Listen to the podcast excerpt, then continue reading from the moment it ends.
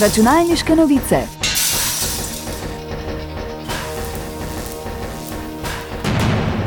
Prisluhnite novostim in zanimivostim z področja računalništva.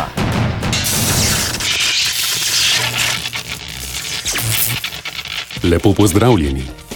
Vsi oboževalci Apple dobro vedo, kdaj običajno izidejo novi telefoni iPhone.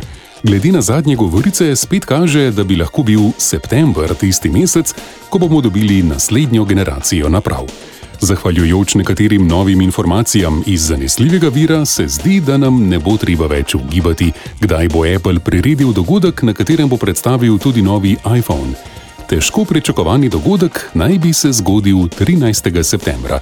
Na njem naj bi poleg novih telefonov predstavili še nove slušalke AirPods, pametno uro Watch 9 in morda tudi nov procesor. Računalniške novice.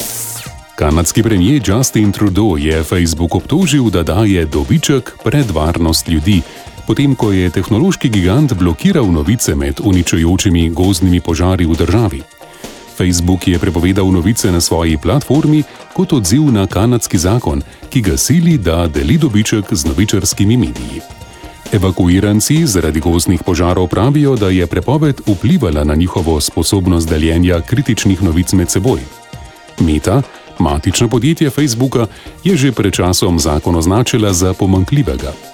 Dodali so, da so za ljudi v evakuiranih območjih aktivirali namensko funkcijo, s katero lahko preživeli označijo, da so na varnem.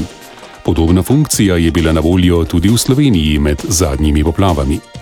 Podjetje je novice na Facebooku in Instagramu v Kanadi blokiralo od 1. avgusta, potem ko je parlament sprejel zakon o spletnih novicah, ki od platform kot sta Google in Meta zahteva, da se z novičarskimi založniki dogovorijo za plačilo vsebin. Računalniške novice. New York Times je blokiral spletnega pajka OpenAI, kar pomeni, da podjetje ne more uporabljati vsebine New York Timesa za usposabljanje svojih modelov umetne inteligence. Spremembo so opazili spletni zanesenjaki in kot kaže, naj bi New York Times blokado vzpostavil 17. augusta. Še predtem pa je medijski gigant spremenil svoje pogoje storitve in izredno dodal člen za prepoved uporabe njihovih vsebin za usposabljanje modelov umetne inteligence. Nekateri zanesljivi viri trdijo tudi, da se ameriški medij spogleduje s tožbo zoper podjetje OpenAI zaradi kršitev pravic intelektualne lastnine. Računalniške novice.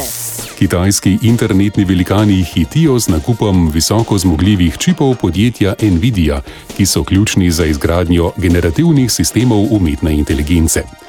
Kitajska podjetja Baidu, ByteDance, Tencent in Alibaba so oddala naročila v vrednosti 1 milijarde dolarjev za pridobitev približno 100 tisoč procesorjev A800 od ameriškega proizvajalca čipov.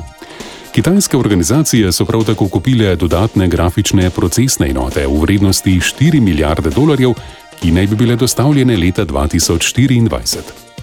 Ameriška vlada je oktober lani izdala obsežen nabor pravil namenjenih zadržanju kitajske polprevodniške industrije, medtem ko ZDA v svojo čipovsko industrijo vlagajo milijarde dolarjev subvencij.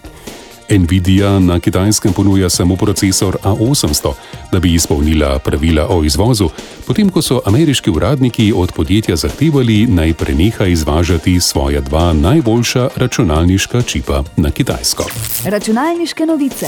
Hvala za pozornost in lepo zdrav do naslednjič. Novosti in zanimivosti je za vas pripravilo uredništvo revije Računalniške novice. Prisluhnete nam lahko ponovno naslednji teden ob istem času.